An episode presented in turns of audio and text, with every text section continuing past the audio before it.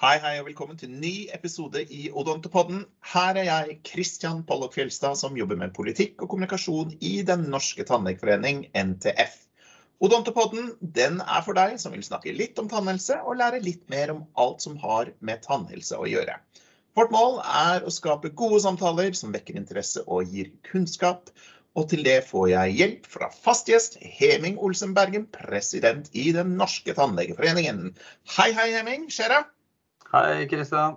Skjera, ja. Vi er der. Ja. Jeg ser Jo, det det- det man sier. Ja. Jo, det skjer'a. Det, det er vår. Ja, ikke sant? Motorsykkelen er ute. Det er, ja. Pollensesongen er også i gang, så det er, det er mange ting som skjer samtidig. Mm. Det merkes i hagearbeidet, med andre ord. Ja, og så merker vi jo også at det er utrolig mye møter om dagen. Ja, det er jo sant. Det, er, Ja. det går liksom mot slutten, eh, innspurten mot sommerferien begynner faktisk ganske litt tidlig. Mm. Så det. Men i innspillingsøyeblikket så ser vi faktisk frem til 17. mai, og podkasten kommer trolig ut dagen før. Vi krysser jo fingrene for at det skal bli litt varmere, for det er litt sånn av og på. Hvordan skal du feire 17. mai? Jeg bor jo ute i Asker, vet du, så der bor jo også kronprinsparet. Og de skal jo da eh, feire i Asker først, og så skal de reise inn til Slottet. Så eh, i Asker så starter eh, 17. mai-feiringa grytidlig. Ja. Eh, og det har blitt en sånn tradisjon at vi, vi, er, vi møtes ofte ute og spiser en frokost på en restaurant eh, nede i sentrum, sånn i halv åtte-åtte-tiden. ja, så bra. Ja. Men det er jo, altså for det er jo inneklemt dag den mandagen, eh, og det er jo potensielt en langhelg. Jeg trodde du ville benyttet sjansen til å liksom komme deg ut til hytta, eller Hva? Det blir nok jobbing dagen før og dagen etter, for å si det sånn. Det så, men har du sommeråpnet eh, eller våråpnet hytta ennå, da? Ja, jeg har det. eh, Våråpna hytta her forrige helg. Ja. Og fikk jo da den, eh, den vanlige, må jeg si etter hvert nå, da, den vanlige katastrofa på brygga hvor isen har tatt nok en pilar. Det sånn er det bare. ja, OK. Så, men da får du jo, da får du jo sommerprosjekt, da. Reparere og bygge brygge. Kirurgi på brygge. Eh, Ikke sant. Det ordner seg tross alt, jo. Ja. Ja. Du, uansett, vi har nok en podkastinnspilling og nok en spesialistforening som vi skal eh, snakke litt med og bli bedre kjent med. Så vi setter i gang.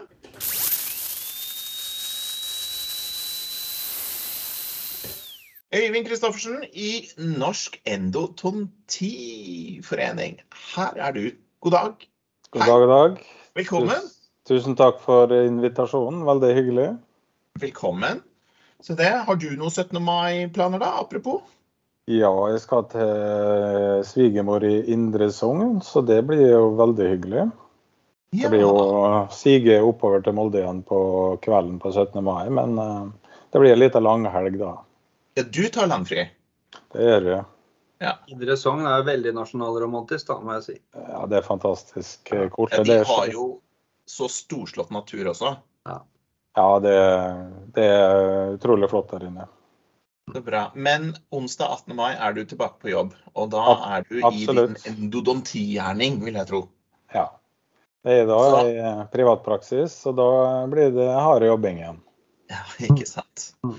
Du, når jeg slår opp i det store medisinske leksikonet, så står det endodonti er en retning innen odontologi som dreier seg om forebyggelse og behandling av sykdom i tannmark og i støttevevet rundt.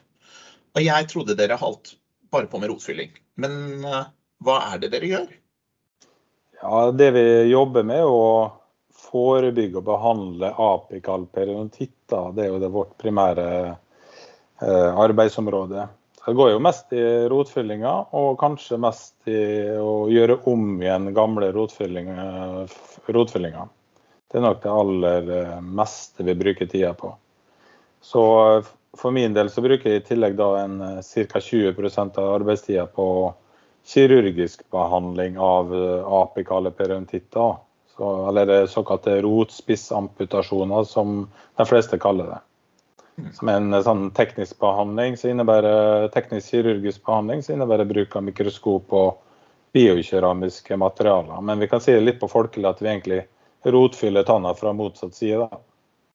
Ja. Så eh, det er Men også en det- eh, del av Ja. Ja, for Du snakket om at altså, dere ser på hva folk har gjort før og kanskje må gjøre om igjen. Men det, det ble jo tatt gode rotfylling for 30 år siden. Eller er det man, kom man til et punkt hvor man må gjøre ting om igjen uansett? Så I utgangspunktet så er det sånn at målet vårt er å få eh, infeksjonskontroll i tennene, og så få dem tett etterpå. Så da er spørsmålet om eh, har det vært fritt for infeksjon, eller har det tilkommet en lekkasje etterpå. Og det er klart I den lang levetid på tanna, så er det jo sånn som et eh, hus. hvis Det hjelper ikke å legge parkett hvis taket er lekk. Så det er en sånn sammenheng, da. Nei, ikke sant. Men, eh, men, hvor lenge for da, Nå sa du noe jeg egentlig ikke vet noe om. og det er eh, Hvor lenge varer en sånn rotfylling? Altså, jeg vil jo tro at uh, disse materialene etter hvert også begynner å lekke. Sånn gitt 10-20-30-40-50 år, eller hva? Ja. Nei, altså det er jo Som jeg sier, at det er jo veldig avhengig av den koronale restaureringa og forseglinga av den. Så rotfyllinga er en del av forseglinga mot uh, periapikale områder. Så det, ei rotfylling i seg sjøl er jo ikke sterk nok til å stå og forsegle over tid. Så vi er avhengig av flere trinn i forseglinga. Både kan du tenke deg en IRM-materiale på noen millimeter, og så kanskje en kompositt, og så kanskje en krone utapå der igjen. Så det er jo eh, flere lag med forseglinger som må til for å hindre en eh, infeksjon eh, fra bakterier som eksisterer normalt i munnhula, og slik at de ikke skal nå opp i det apikale området. Men når er det man ender hos dere versus den vanlige tannlegen? For tannleger, noen tannleger, altså vanlige tannleger i privat sektor, det er mange av dem møter vel rotfylling på daglig basis, vil jeg tro. Men så kommer man til et punkt hvor man må til dere. Ja, absolutt. fordi at uh, Vanlige tannleger er godt skolerte til å håndtere vanlig, vanlig rotbehandling. Um, og vi, Det er ikke noen endodontister til å kunne gjøre alle rotbehandlinger i Norge. Mm. Så eh, det er veldig stor forskjell egentlig på de eh, kasusene som blir henvist. Det kan være enklere tekniske ting, og det kan være kompliserte ting. Så det er veldig individuelt fra tannlege til tannlege. Mm. Men uh, i mange tilfeller så er det heller ikke nødvendigvis uh, tanna som, eller uh, rotkanalen som er vanskelig. Det kan være kompliserte forhold med pasientsituasjonen. Det kan være pasienter med uttalt brekningstendenser, nedsatt gapeevne, angst, odontofobi. Og det kan mm. også være problem å få anestesi, smertelindring under behandling. Så årsakene til henvisning kan være veldig varierte. I tillegg er den, eh, den moderne pasientene med omfattende medisinbruk. Da. Komplisert medisinsk historie og pasienter som krever sanering av infeksjoner før f.eks. klaffekirurgi. Så, og da er det jo det å ty til en spesialist kan være litt behagelig for mange. Så, um, så egentlig så er årsaken til at det blir henvist, den er veldig varierende. Hm. Dere sitter jo mye i mikroskop, riktig? Absolutt. Vi er veldig avhengig av forstørrelse. Alt fra lupebriller og mikroskop i ulike forstørrelser og ekstra belysning. For det er jo et sånt det er jo, nerdete, det er jo litt nerdete fag å være en dentist, det er ikke tvil om det. Det krever jo Det var bra du sa det, Øyvind. det, er for, det er for litt spesielt interesserte, du vet jo det. Så heldigvis eh, kan vi kose oss litt med kirurgi i tillegg. Du vet jo hvor artig det er. Ja, men det er, det, er, det er, fint å kunne være stolt av å være litt nerdete. Ja, sant. Hmm. Vi er jo kanskje litt nerdete alle tannleger, kanskje? Ja. ja. det var nettopp det at altså, i, i, forrige podkast så hadde vi jo da uh, kjeve- og ansiktsradiologene på besøk. Og de var, hvor mange var de? 25-30 stykker? Hvor mange er dere? Hvor mange nerder er dere? Ja, vi er rundt 90 eh, medlemmer i Norge, jevnt fordelt mellom, mellom, kvinner og menn. Ja. Så det er jo, og geografisk fordelt også? Godt? Ja, jeg tror det er kanskje bare Nå må jeg viktig at jeg ikke fornærmer noe, men jeg tror kanskje det er bare Sogn og Fjordane som ikke har eh, endodontist. Så vi er ganske godt fordelt. Mm. Ja. Du verden. Og, og, jobber man der eh, endodontister i det offentlige, eller er alle i de private, eller hvordan, hvordan er det? Nei, eh, det er jo slik at de aller langt fleste er jo, jobber jobbe i privatpraksis. Men eh, kompetansesentre, større offentlige klinikker finnes det noen få av. Eh. Og så er det universiteter, men eh, absolutt flest i privat praksis, ja. Mm. Så eh, nei, vi har, jeg synes vi har en veldig god fordeling, egentlig. Selv om det er selvfølgelig aller flest i universitetsbyene som utdanner endodontister, som Oslo og Bergen. Mm. Mm. Men det er jo gjerne slik eh, når man ser på fordelingen av tannleger og, og Eller fra et pasientperspektiv er jo spørsmålet hvor langt de må reise. Ja. Og man får jo gjerne den eh, sentrum-periferi-gangen i det. At eh, de som bor ute i distriktene må gjerne reise enda lenger. Om, om til vanlig tannlege så blir det til en spesialist enda lengre. Absolutt. Men, men det, er det du sier, er at også det er jevnt fordelt eh, utover. Da. Så det er eh, samme ulykka for alle uansett. Mm. Mm. Absolutt. Er det sånn når dere sitter Det jeg bare syns det er interessant det med mikroskop. Jeg, jeg syns det er veldig Det er morsomt sjøl, altså. Å se i mikroskopet alle de detaljene man faktisk ikke ser med det blotte øyet. Men, men det å sitte i mikroskop og jobbe, for jeg, jeg gjør også litt sånn rotspissamputasjoner og sånt. og det, det, er, det er ganske belastende. Du blir sittende ganske statisk. Er det mye sånn plager, eh, nakke, rygg og eller skuldre på, på endodontisten, eller vet du? Ja, jeg har ikke noe, har ikke noe generell uh, oversikt over det med endodontister, men jeg tror det er veldig viktig inne på, på noe med ergonomien i det å være tannlege. Det å benytte enhver anledning til å reise seg og, og strekke litt og gå sin tur. Og det å være dynamisk eh, tror jeg er veldig viktig. Da. Ja.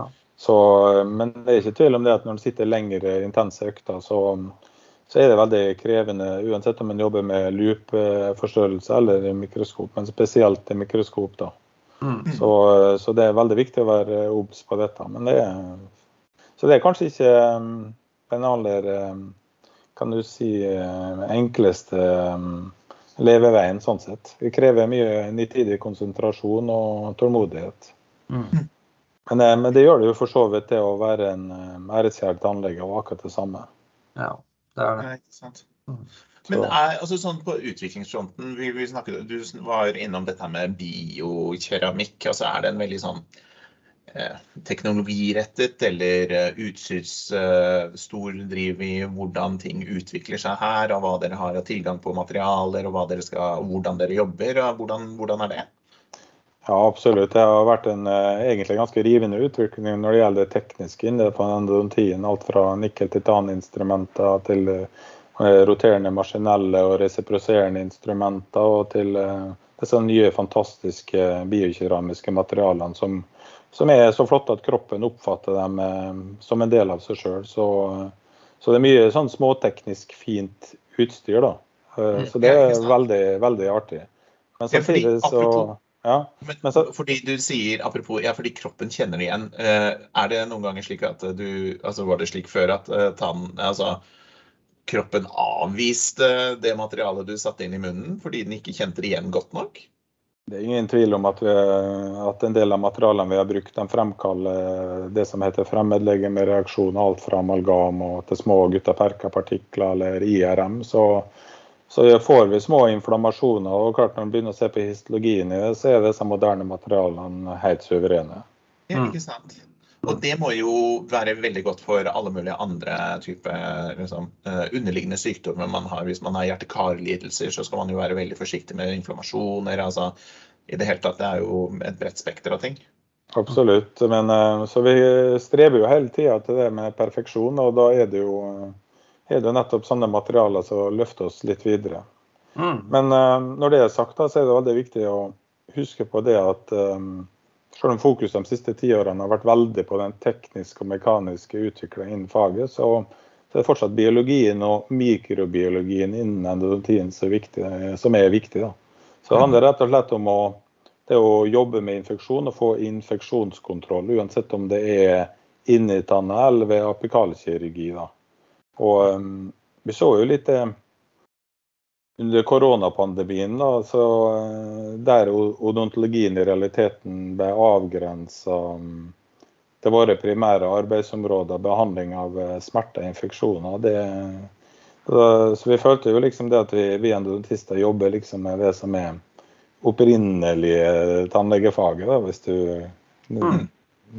går på det helt primære. som er vårt daglige brød. Ja, ikke sant?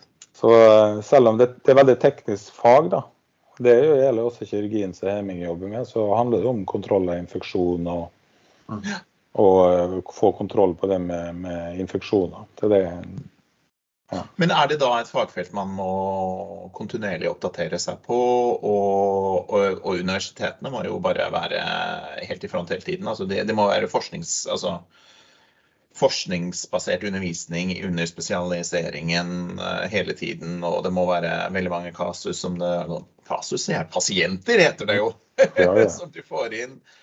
Uh, ja. Hvor mange, på... hvor mange nye, nye endodontister kommer til hvert år? Da? Nei, eh, det er vel kanskje to stykker i året, kanskje. Rundt ja. ja. To til, to til fire? To til fire, ja. Mm. ja. ja. Ikke sant. Det er noe sånt.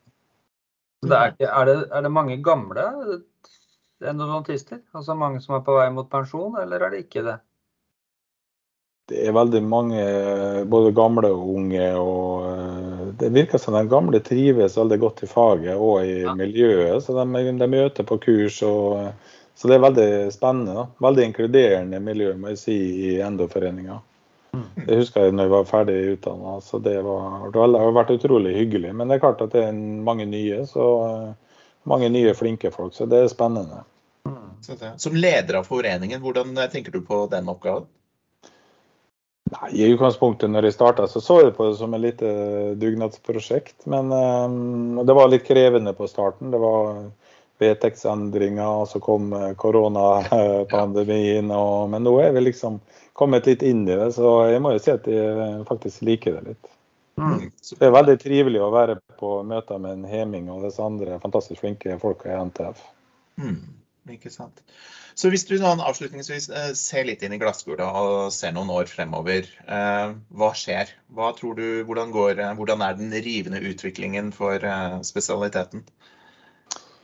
Nei, jeg opplever det at at uh, vi blir brukt som rådgivning ofte for kollegaer på telefon og e-poster i forhold til kasus. og Det er veldig hyggelig og en veldig viktig veiledende funksjon som vi spesialister har. og Det med å være spesialister er jo veldig viktig for universitetene, for det er jo dem som driver kan du si, forskninga. Og for å greie å undervise på høyest mulig nivå, så er det jo viktig å ha disse spesialistene. Men um, hvordan fremtida blir sånn i forhold til markedet og ellers, er veldig vanskelig å spå om, faktisk, syns jeg. Mm. Ja, det er jo kjempevanskelig å spå om framtida. Men jeg, jeg har sånt, eh, en tanke rundt eh, deres spesialitet, at den blir eh, stadig viktigere.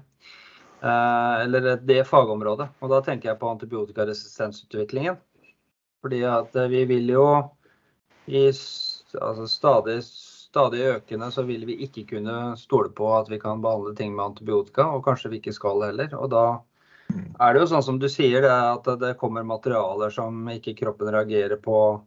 At man kan ha infeksjonskontroll og smerter uten at man eh, skal drive på med antibiotika. Eh, og samtidig klare å bevare tenner, da.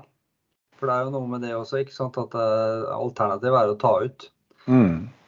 Så jeg tenker at det er liksom noe som er viktig. Det gjelder jo hele tannlegefaget og den enodontiske behandlingen. da.